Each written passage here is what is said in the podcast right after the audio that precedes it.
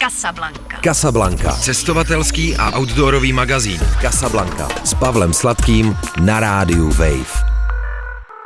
Na rádiu Wave začíná Casablanca, cestovatelský a outdoorový magazín. Zdraví vás, vítá vás Pavel Sladký. Naším dnešním hostem je Maruška Poláková. Ahoj. Ahoj, ahoj. Kterou tady srdečně vítám. Připlula na dnešní vysílání ze Špicberg, takže o plavbách, mimo jiné o plavbách do hodně chladných krajin se dneska budeme bavit. Ale já bych rád začal o tom, kde se zrodila tvoje vášeň pro plavby, pro oceánské plavby. Jak se rozhodla, že se právě tomuhle chceš věnovat? No, tak to je dlouhý, celku dlouhý, zajímavý příběh. Celý to začalo v roce 2000 13, kdy jsem studovala magisterský studium, něco jako by obor nová média na univerzitě v Linci. Okay. A město Linec se nachází na velký řece Dunaji. A tam byla jedna kulturní organizace, jako, jako Kulturverein, která měla prostě loď, kde se dělaly umělecké rezidence. A já jsem se jako umělec přihlásila na tuhle tu rezidenci a skončila jsem prostě na asi tři týdny na takovým starý rezavý lodi, která nikam ne neplula, byla tam v přístavu. A nějakým způsobem mě to tak jako oslovilo, že jsem z tří týdenní rezidence se staly tři roky, kdy jsem na té lodi jako začala fungovat jako takový, jak se řekne, host, který tam... Hostitelka? Hostitelka, která se tam starala o ty ostatní rezidenty a vůbec tam vymýšlela a dělala jsem tam filmový klub a různé další věci a prostě jsem tam žila, takže zbytek svých studií eh, na univerzitě jsem žila v přístavu na lodi. A teď, jak jsem byla na to, v tom přístavu, tak jsem samozřejmě potkala různý lidi, co mají lodě, a prostě v Linci byla taková docela jako punková skupina že lidí, co teda měli lodě, že to nebyly jenom bohatý lidi s jachtama a takovýma těma říčníma motorovými, že loďma samozřejmě. A tak jsem si nakonec, prostě mi to začalo strašně bavit a udělala jsem si uh, papíry na, na loď, abych mohla teda plout jako řídit sama loď. Pak jsem psala diplomku na téma jako umění a kultura na jako lodích, přístavech, mořích a tak, což je taky vlastně určitá scéna v umění, která existuje, docela se mhm. rozrostla poslední deset nějakých let.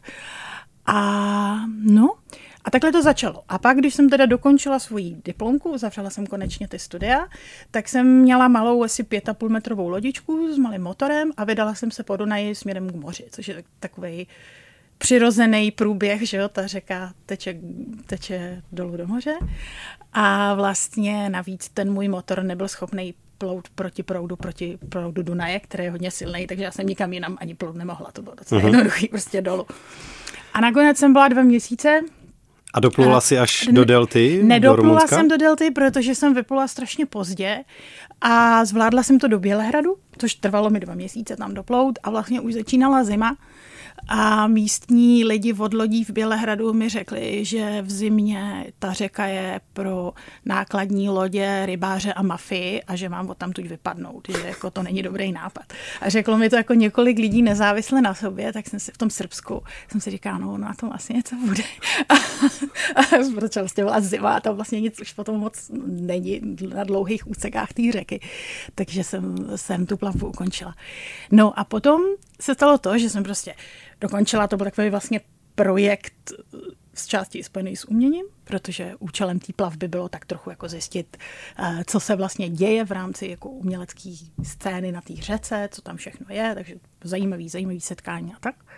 No, ale víte co, prostě po univerzitě, po takovýhle plavbě, tak já jsem v podstatě byla úplně bez peněz a najednou to bylo a zima a říkám, tak a teď se mám vrátit k počítači, mám se vlastně vrátit zpátky do toho, co jsem dělala předtím, jako umělec na volný noze, studia a hlavně komp, že já jsem dělala nový média, no, tak to je prostě počítač.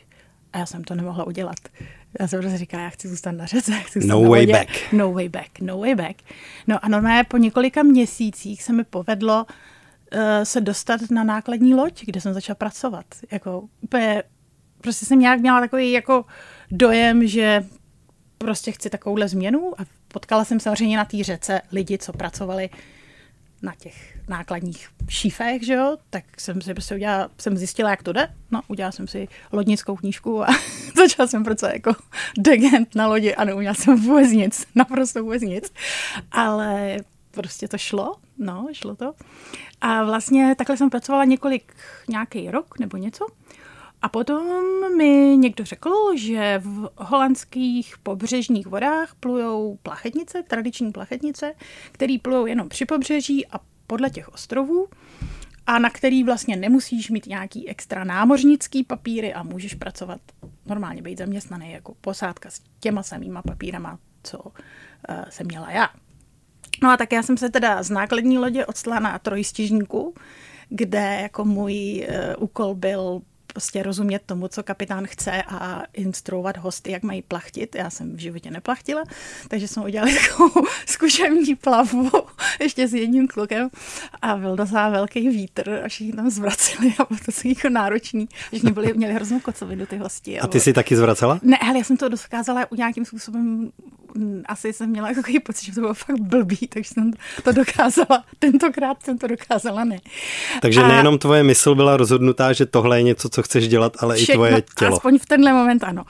Pak už to vypadalo taky jinak, ale no, ano a po této zkušební plavbě kapitán řekl, že e, o tom sice nic nevím, ale umím to dobře vysvětlovat a že jsem schopná vařit kafe, když je, jak se řekne, vítr 8 Bofordové stupnice a velký vlny, takže to je dobrý.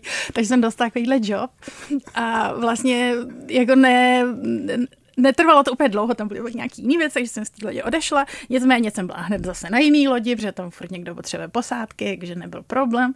No a tím jsem se dostala vlastně k moři, takže jako jsem, a furt jsem chtěla, ale tyhle lodě nemůžou plout za hranu těch ostrovů, které jsou vlastně podle Holandska, protože pak už to je teda otevřený moře a na to oni už zase nemají papíry, aby tam pluli. Některý tam technicky plout můžou, ale jako ne mhm. oficiálně. Mm-hmm. A já jsem si furt jako ještě koukala, jako, že bych teda jako chtěla vlastně dál.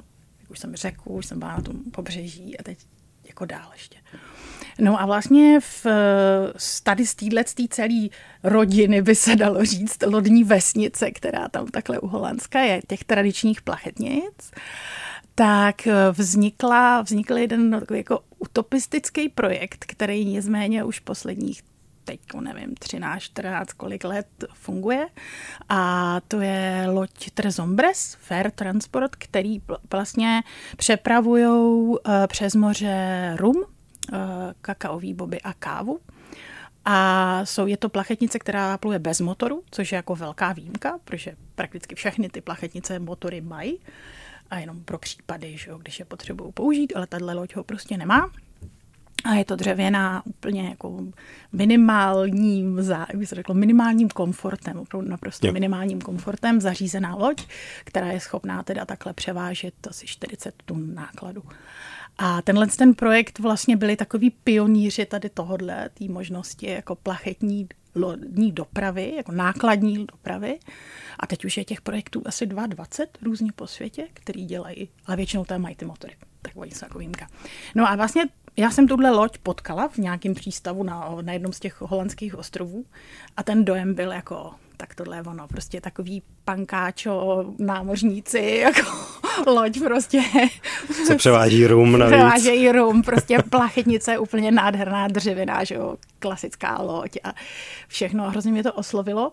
A vlastně jsem zjistila, že eh, se pro ně dá jako jim pomáhat, protože ta loď je vlastně každý já nevím, tři měsíce z roku, jakoby konec léta, začátek podzimu většinou v docích, kde se dělá jako dost důkladný opravy, protože potom se zase vydává na další jako za oceánskou plavbu vlastně uh, přes Atlantik, že Karibik a zpátky. A pak ještě třeba evropský plavby s dalšíma typama nákladů. No takže já jsem se jako odhodlala, že teda budu dobrovolník v docích, takže jsem tam byla asi měsíc a docela jsme jako prostě makali a bylo to zajímavé, no, jsme vlastně opravovali dřevěnou plachetnici, že jo, se všechno poprvé. A vlastně tam je potom možnost, když tam člověk pracuje, že může s touhle s tou lodí uh, plout, když je tam místo protože oni berou i, jinak oni berou i vlastně platící jako trainees, což jsou lidi, kteří chtějí nějaký dobrodružství, chtějí se naučit třeba hodně jako základ, důkladný základ jako moře plaveckých znalostí, což se tam teda fakt naučej, tak eh, prostě zaplatí docela slušnou částku za to, aby tohle mohli udělat. Takže ty dobrovolníci jsou takovým jako, když tam zrovna nějaký místo. A to většinou bývá samozřejmě na méně populárních úsecích plaveb, což já jsem jako úplně netušila tenkrát. Takže co si vyfasovala? No ale vyfasovala jsem Azorský ostrovy do Amsterdamu, což byl úplně jiný konec, uh, konec té uh, plavby. Oni se vraceli vlastně zpátky. A já jsem, musím teda přiznat, že to je potěkud jako, uh, nedůkladná příprava, ale já jsem věděla, že Azorský ostrovy patří Portugalsku a prostě jsem si myslela, že jsou to nějaký ostrůvky někde u, u Portugalska. Jako. Mm-hmm. A vůbec mě nenapadlo, jako, že se třeba kouknu mapu, kde to vlastně je. Že jsou spíš u afrických břehů. No jasně, že jsou jako v půlce Atlantiku, že jo. Takže já jsem neměla jako v podstatě ani vhodný vybavení a ani jako mentální přípravu jako na to, co to teda vlastně bude. A vlastně jsem se teda odstla jako prostě na docela hodně rozbouřeným moři, který začalo prakticky, nebo hodně rozbouřený, tam jsou prostě velký vlny, protože jste v půlce Atlantiku, že jo, tak jako na těch velkých vlnách. A samozřejmě neznala toho, že jako mořská nemoc a jaký dělat prevence, tak jsem měla strašlivou mořskou nemoc, fakt strašnou. A teď jsme to moře, to počasí jsme měli jako hodně špatný. A tam vlastně člověk jako pochopí, co to je jako s jakýma živlama člověk jako je v, ve vztahu, když takhle pluje a jak to měli třeba dřív ty lodě, jo? že my jsme třeba, to jsme byli v nějakém místě jako pobřeží Portugalska a teď vlastně foukal silný vítr v úplně opačném směru a v takové situaci už se proti tomu větru jako nekřižuje, už se spíš jenom snaží člověk zabránit tomu, aby neplul špatným směrem. Mm-hmm. Tak jsme tam bojovali celou noc, ta noč, ty noční hlídky s tímhle s tím jako uh, živlem a ráno nám kapitán řekl, že jsme na tom místě, kde jsme byli před dvěma dny. Takže jako, jako takovýhle jako věci. Já jsem vlastně 30 dny, měsíc mokrý nohy, protože jsem neměla dobrý boty, protože to nenapadlo, že ty ostrůvky u toho u Portugalska, tak jako to si člověk nemyslí, že potřebuje takový ten jako eh, kompletní ochranný oděv a fakt dobrý boty a tak. No. A ještě léto to bylo, jo, a tam byla fakt strašná zima. Zvláštní. Ale jako, jako bylo to, a ještě jsme dokonce, dokonce se nám na téhle plavbě stalo, že jsme zachránili námořníka, kterýmu se potápila loď, který plul sám a protože se mu potápila, potápila jachta. Takže to byla zkušenost all inclusive. To byla mé all inclusive zkušenost, no jasně, no, to jako bylo fakt velký do, vlastně to bylo docela dobrý dobrodružství. Ale jako jako podivu přesto všechno, že jsem, to, jako jsem pěkně na takovou morskou nemoc asi šest dní, což je jako hodně Au. ošklivý. Fakt hodně. A ještě jako v podmínkách té lodě, která, tahle loď opravdu nemá komfort. Jako tam není ani takový ten, jak jsem říká, salon, kde si má člověk může jako zalíst. Tam prostě není. Tam je jako uh, osm jako palant, pala, palant. Hmm. na příditý lodi, která se houpe úplně nejvíc, tam všichni spí spolu, nákladní prostor, kuchyňka, kde si všichni takhle sednou vedle sebe. A jako když někomu blbě, tak je to tam, nemá to tam na to prostě podmínky, no, je to, jak oni sami říkají, je to jako připomínka času, kde lodě byly ze dřeva a muži ze železa, tak jako já jsem tam nějak odstala, jako vlastně, um, aniž bych věděla, kde se odstnu. Ale ku podivu mě to neodradilo, jakože bych nechtěla už na moře, jo. Mm-hmm. Naopak jsem si řekla, když mi potom nějaký moji přátelé řekli, že jsem jako přeplula tu horší část Atlantiku, že, takže bych teda jako měla to přeplout celý, že že většina lidí považuje za to, že se přepluje Atlantik právě někde od těch kanárských ostrovů do toho Karibiku. A přitom to už je vlastně pohoda většinou. Mě by ještě zajímala ta praktická stránka začátku.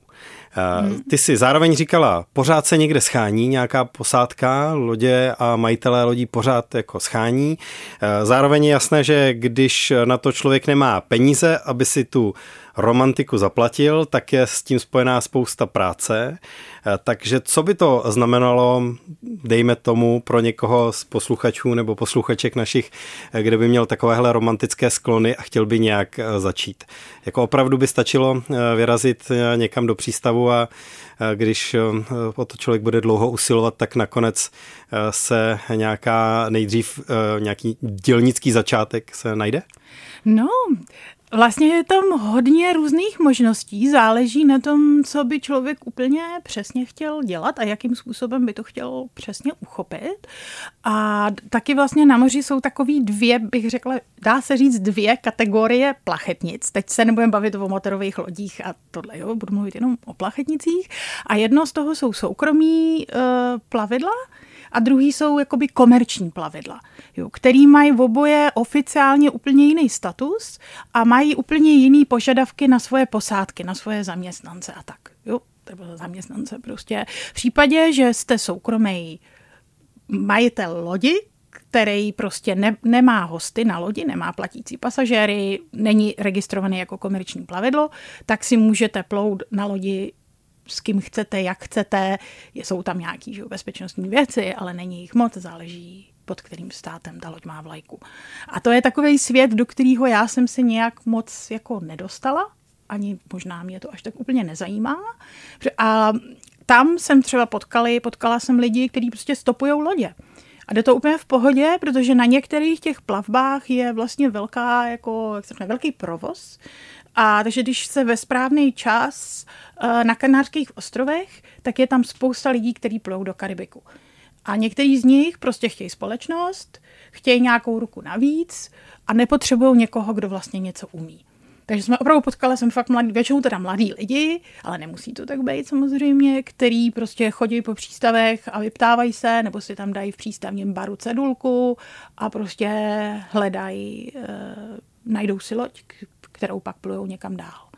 Uhum. Tak to jsou, to je určitě jako možnost pro dobrodruhy, který mají samozřejmě čas. No stejně jako když stopujete po zemi, no, tak prostě je potřeba mít ten čas no toto udělat, jo.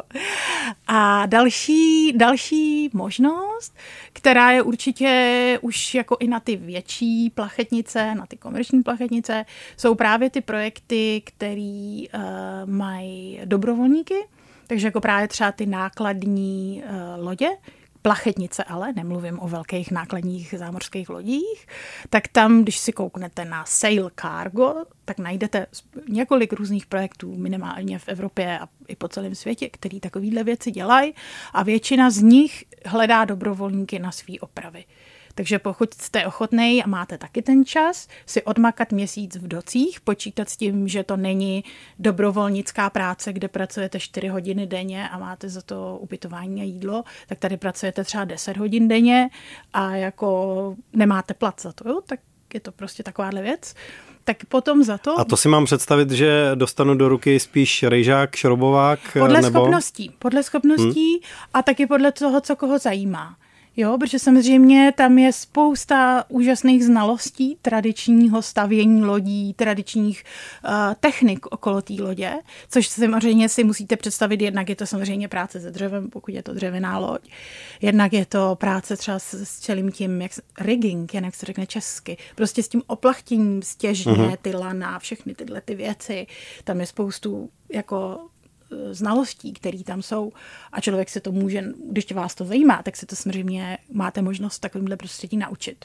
Takže si myslím, že je to naprosto úžasná možnost pro lidi, který by, by je tohle to zajímalo a místo toho, aby šli někde jako na kurz a platili Bůh ví co, tak prostě jdou na měsíc vlastně pracovat tak, do takovéhohle projektu a navíc je tam většinou docela sranda, je to jako dobrý, že je to prostě parta většinou mladých lidí a e, jako, nebo nejenom, tam je teda věkový rozsah jako dost velký, což je hezký. A vlastně děláte na nějakém projektu a víte, že ta loď vypluje a že prostě e, je to dobrý a potom je tam jako většinou, je to dobrý prostě, no, ale jako je to o tom, že musíte mít zase vlastně ten čas a nemusí vám vadit, že prostě budete pracovat e, takhle dlouho vlastně bez platu. Ale říkám, pokud někoho zajímá vyloženě ta technika, chce se to naučit, tak je to ideální. Je to prostě ideální možnost.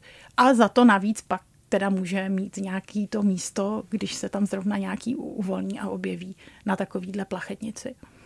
No a další je, že pokud byste chtěli začít, jako, nebo chtěli byste to zkusit, a tak eh, hodně těch plachetnic, co plujou s hostama, tak stejně mají třeba jednoho nebo dva jakoby začátečníky učně, který jsou tam buď to za nějaký, za nějaký kapesní vlastně a můžou taky jako se za pochodu učit, ale v této pozici jsem teda viděla opravdu vlastně jenom mladí lidi. Nevím, jestli je to nutná podmínka, ale většinou se počítá s tím, že ten člověk potom si udělá všechny ty uh, bezpečnostní kurz a může mít, jako je zdravý a může opravdu přejít na kariéru jako profesionálního námořníka. No. Je něco, co tě na životě kolem lodí nebo na lodích nebaví? Je něco, co bereš jako hmm nutné zlo nebo rutinu, eh, která prostě vede k tomu, že se potom k lodím nebo na těch lodích někam podíváš? Nebo všechno to bereš mm. jako jeden balíček a všechno to baštíš? No, já myslím, že tohle to je taková jako zvláštní, jak bych to řekla, taková zvláštní zóna vytěsňování si věcí z mysli, jo. Protože Pamatuješ jako, si jenom to dobré? No, Jo? No, jo. Protože jako když si vzpomenu na ty stavy, který člověk má, když opravdu třeba šest dní v kuse zvrací, tak tam nemůžu říct, že mě to baví, mm-hmm. ale já už tu vzpomínku prakticky, jak to bylo hrozný, tak já už jako to nějak jako necítím. Jako to, Ze strašný vzpomínky vzít. je dobrá historka. Je, přesně tak, přesně tak. Jo, anebo takový ten, samozřejmě když třeba na delších oceánských plavbách, no, na jakýchkoliv delších plavbách se prostě pluje 24 hodin denně a záleží na tom, kolik je lidí na té posádce. A podle toho jsou hlídky, takže můžete klidně fungovat v rytmu což byl teda nejhorší situace, ve které já jsem byla, že jsme fungovali asi týden po čtyřhodinových rytmech. Mm-hmm. A jako to ví možná každý, kdo má malý miminko, tak jako roztříštěný spánek to s váma dělá hrozný věci, jo.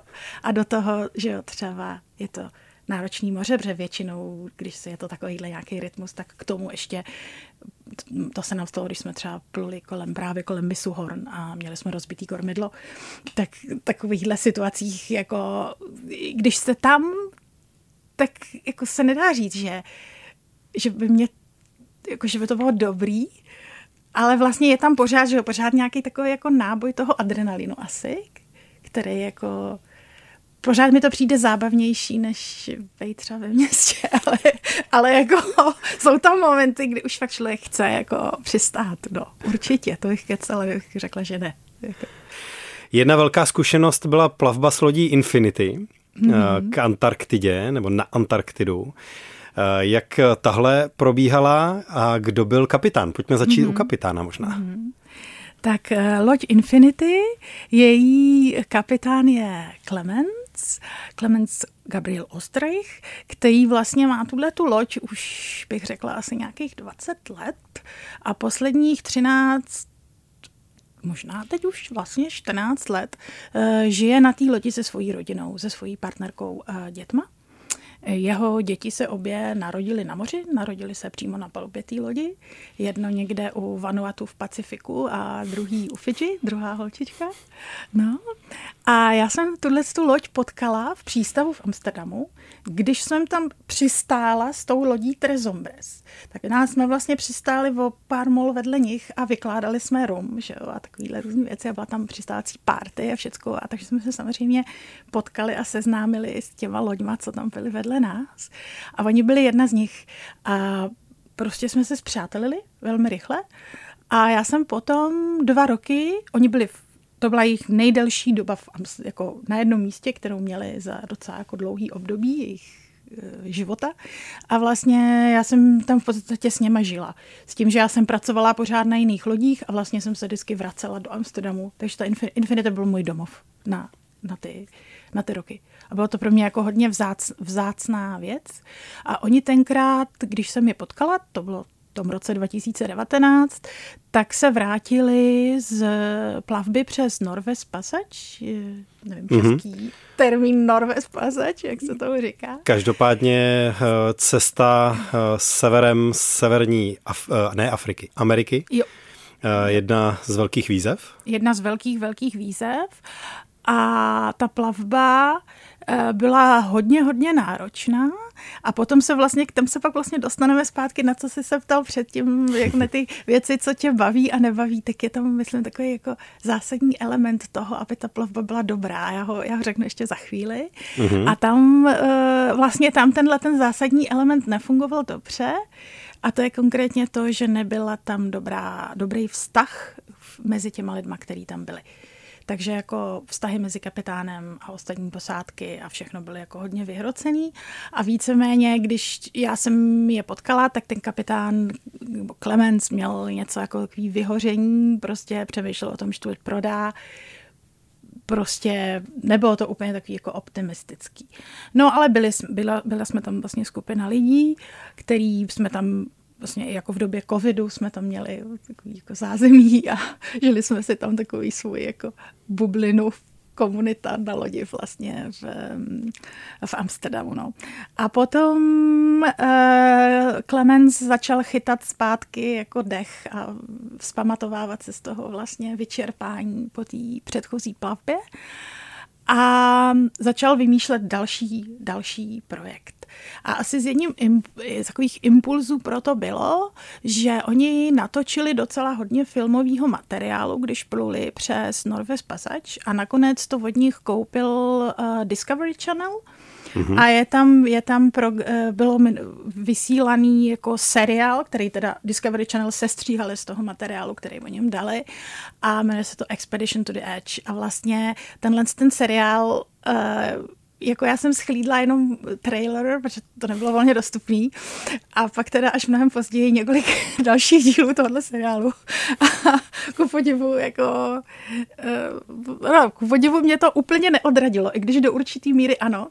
Takže já jsem vlastně po jako dvou letech, kdy jsem byla s tou lodí a potom už ten poslední rok jsme začali tu loď opravovat a připravovat na tu plavbu, na tu Antarktidu. A jestli tady některý posluchači opravovali byt nebo dům, ve kterým současně bydlí, tak více je to za, jako za zážitek. A teď si to představte, že to máte namačkaný na lodi. Tuhle tu situaci. Jo. Tak jako bylo to náročné, bylo to hodně náročný.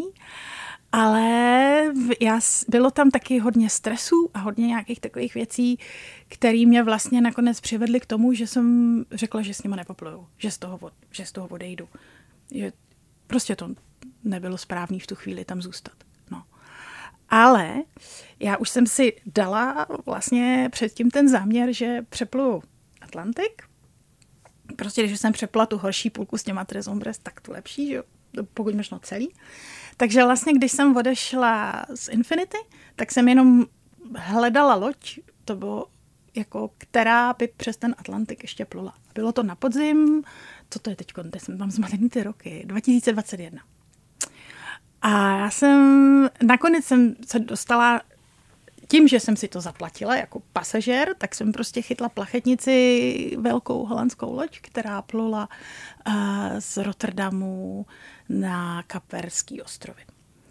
A to bylo taky, že říká, dobře, už budu tam a pak už se něco uvidí, pak se něco stopnu, nebo já nevím, prostě, ale už jako nezůstanu v Evropě, jako za každou cenu, myslím. Takže jsme vlastně z Infinity takhle jako pluli v podstatě paralelně, protože oni pluli první do Gambie a po strašných spožděních, to my jsme, ta, to vyplutí na Antarktidu bylo opoždění asi o půl roku a prostě jako, ale povedlo se vyrazit, tak oni pluli do Afriky, já jsem plula na ty Kaperské ostrovy a potom já jsem plula do Karibiku a oni pluli do Uruguaye. Takže jsme takhle jako přepluli Atlantik jinýma, jinýma z, z, jako cestama, v, v, v, v oba, v obě, každý uh, současně.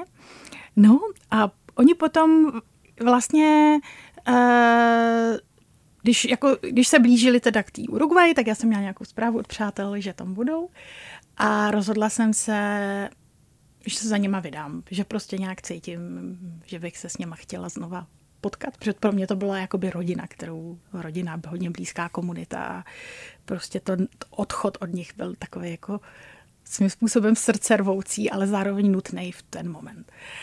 A mezi tím právě byla ta takový důležitý element, že vlastně Clemens uh, si po té zkušenosti z té Norves Passage uvědomil, že je strašně důležitý, aby ta skupina lidí na té lodi fakt jako byli dobrý spolu.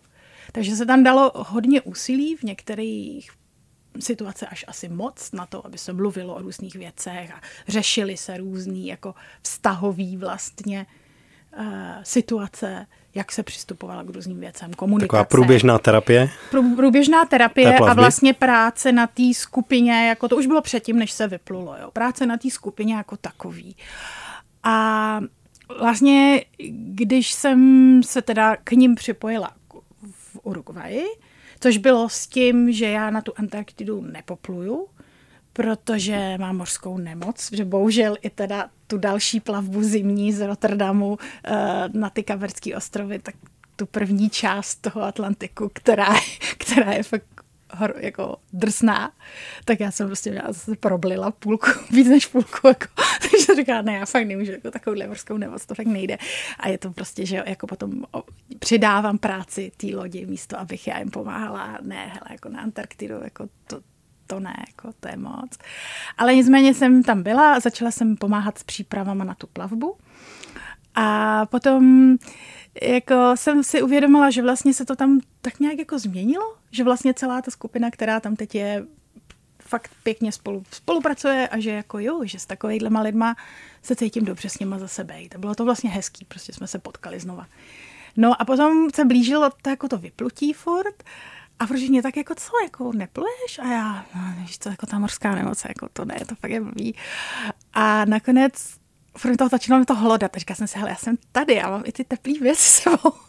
Vezla, že jo, přes Karibik zimní námořnický vybavení. To bych jako... A pak jsem se zeptala toho kapitána, Klemence říkám, den předtím, než jsme měli vyplout. A on říkal, jako, co mi to děláš takhle na poslední chvíli? To je přece strašný, tak jako, jak mám to rozhodnutí udělat?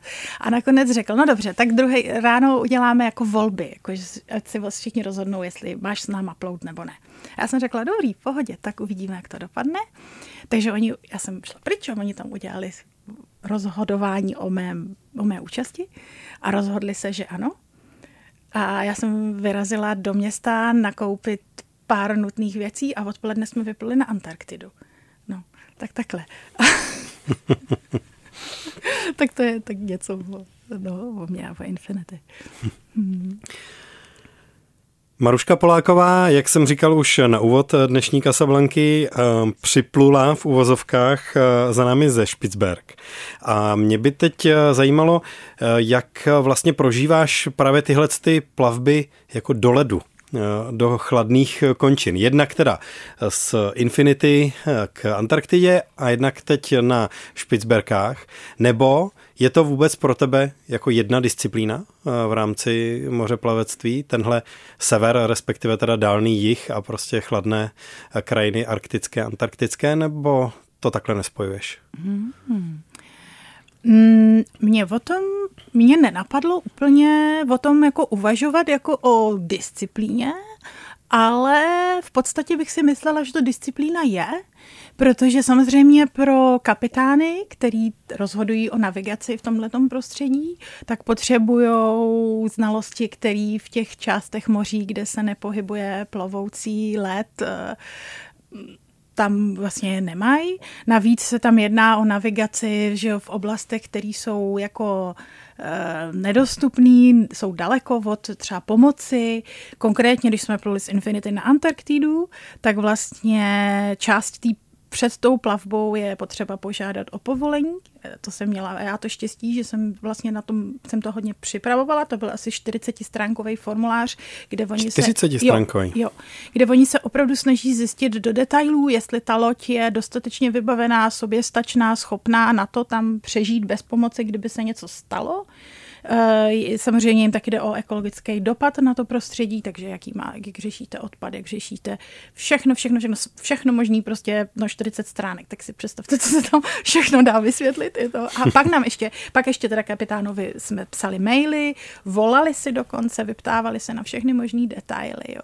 Takže jako na tom, to je jenom tak jako příklad toho, že vlastně ta plavba do takovýchhle oblastí vyžaduje mnohem větší přípravu, určitě mnohem větší znalosti a mnohem větší schopnosti od toho kapitána a té posádky. To bylo právě třeba další část to plavby z Infinity, že nám se při návratu z Antarktidy uh, v jeden moment přestalo fungovat kormidlo. V jeden moment, kdy jsem zrovna já kormidlovala a pak se to až po chvíli, jako jsme řekli, počkej, my vlastně neřídíme tu loď. A byli jsme tam v takovéhle situaci bez toho kormidla 8 dní, než se může... Like by si myslel, že loď je nahraná? No to like by si, mysl... myslím si, že by si to myslelo i hodně nelajků, nicméně v tomhle jako kapitán Clemens je nepřekonatelný, protože on, on prostě dokáže vymýš, vymýšlet řešení neřešitelných situací a navíc je to člověk, který čekal, až se, jako samozřejmě se snažil logicky vydedukovat, kde je teda ten problém. Nakonec se zjistilo, že problém je pod vodou, že musí být na tom samotném kormidle, a nebo je možný, že jsme to kormidlo úplně ztratili, že ho vlastně nemáme. A teď jste, že jo, u misu Horn, kousek od misu Horn v zimním období, protože my jsme pluli pozdě, takže tahle ta událost byla v květnu, což je ekvivalent našeho prosince, plus minus, listopadu. Hmm, hmm. Byste si to převedli na druhou stranu. No, tak já jsem viděla videa toho, jako to, co bylo klidný moře, který nastalo po těch osmi dnech, tak jako bych to asi neřekla úplně klidný, no a on se potápěl, že jo, v tomhle no, si nám dal prostě potápěčkou výzdroje, šel se potápět a opravovat kormidlo pod vodou, jo, jako v teplotě, nevím, no, kolik měla ta voda.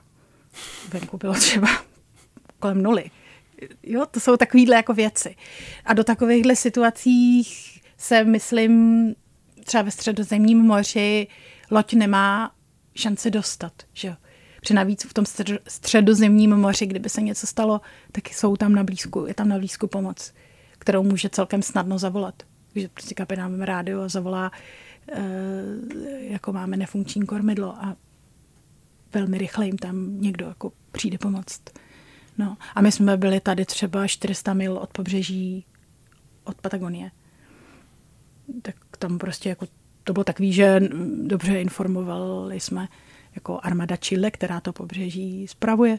Kdyby jsme měli fakt nějaký problém, že by nás, jako, aby u nás věděli, že nás by třeba eventuálně museli zachránit, ale že nicméně se zachráníme sami, pokud to jen trochu bude možný.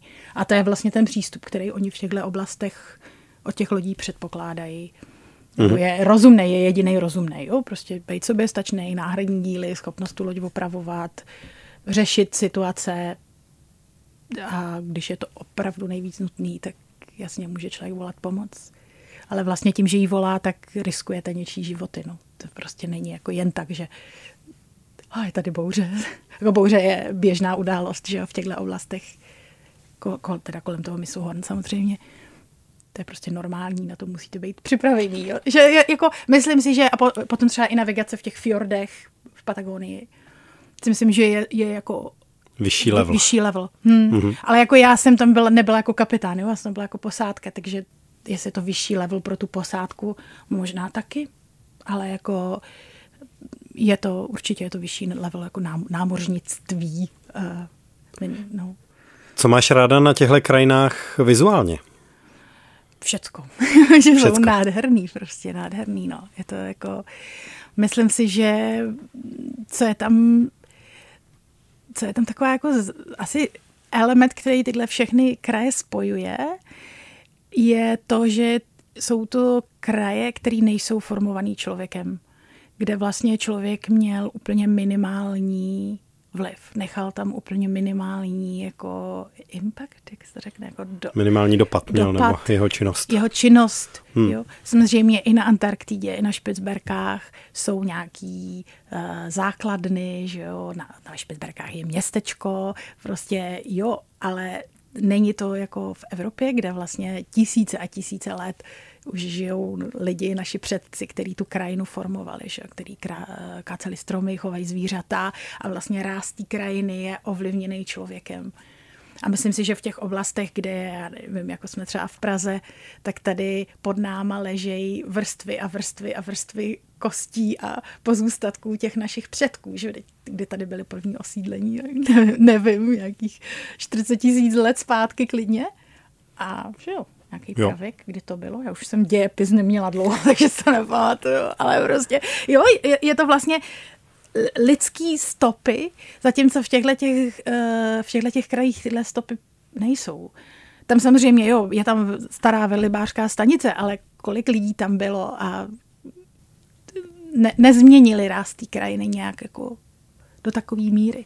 A to je i třeba ta Patagonie, to jsou, může se to říct třeba o Austrálii, o Papui Nový Gvineji, v těchto těch oblastech, co jsem byla, kde bych si řekla, že to má podobný pocit z té krajiny, přestože je to třeba jiná krajina, tak je tam podobná jako eh, pocit z toho, který bych si myslela, že je tohle.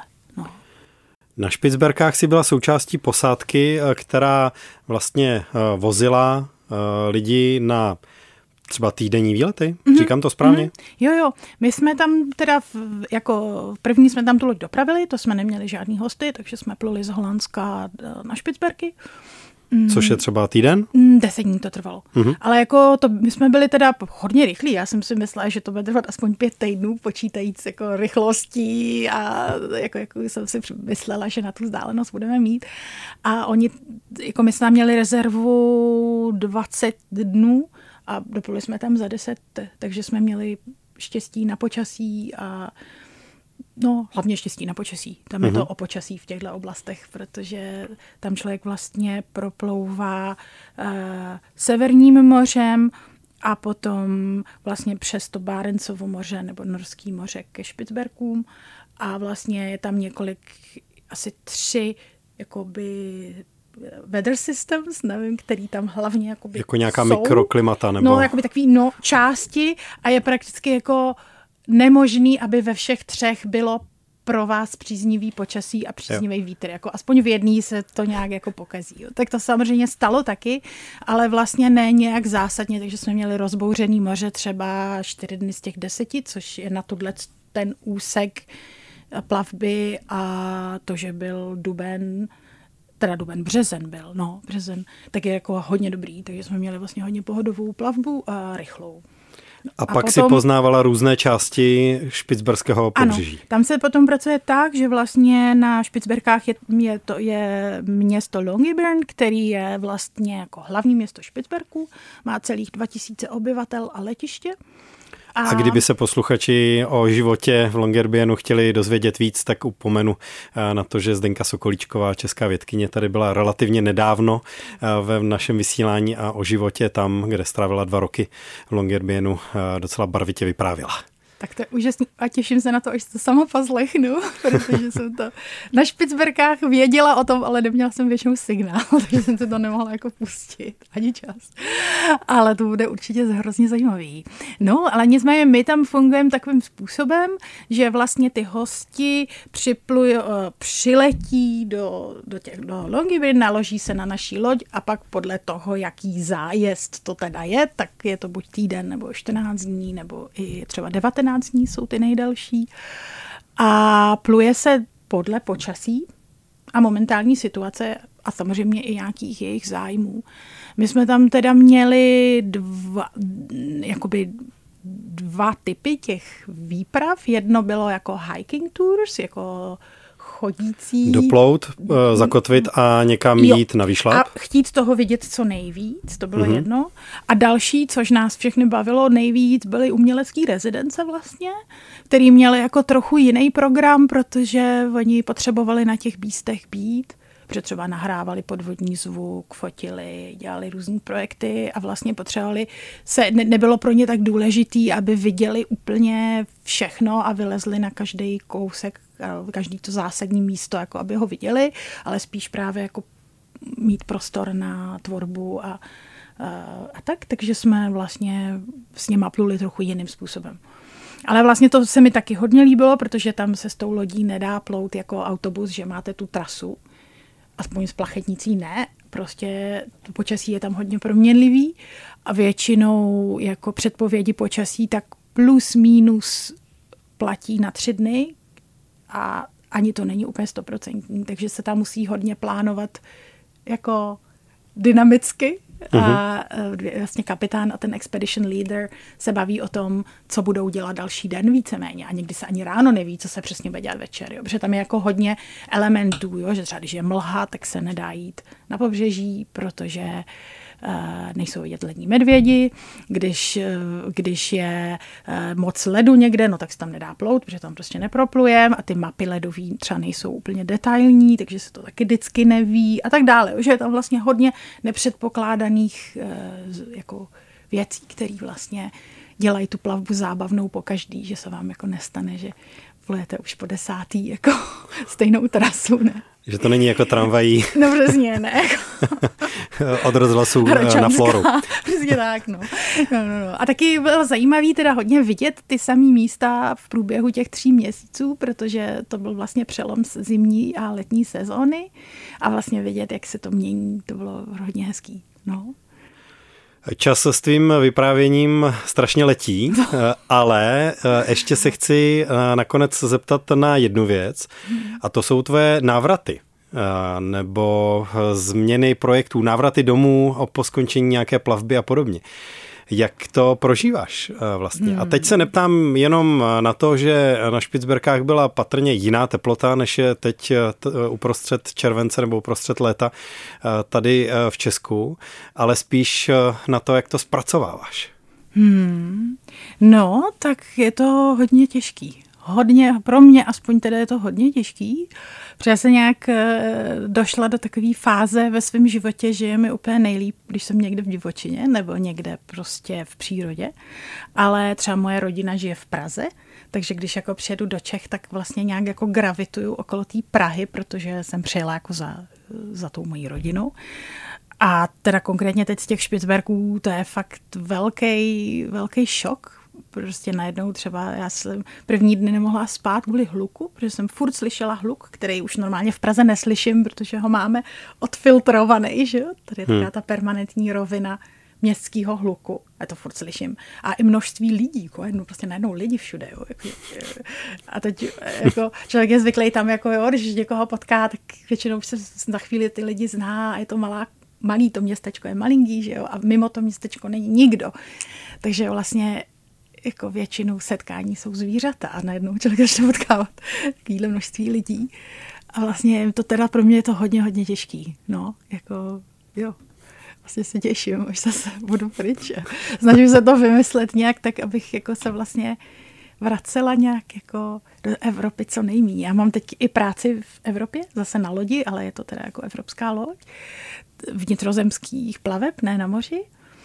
A je to dobrý, jako je to dobrá práce, je to dobrá práce, jako líp zaplacená, tak to říkám dobrý, tak to jako se taky hodí někdy, ale jako celý ten pocit z toho je jako pryč prostě do divočiny a zůstat, jo, jak to udělat, aby to prostě mohla zůstat, no, ale, tak to je moje osobní věc, já si myslím, že spousta lidí si jako jsou rádi, že se vrátí a, a já se to samozřejmě snažím užívat, jo, jakože to chození na kafíčka prostě ta civilizace má dobrý věci, to rozhodně ano.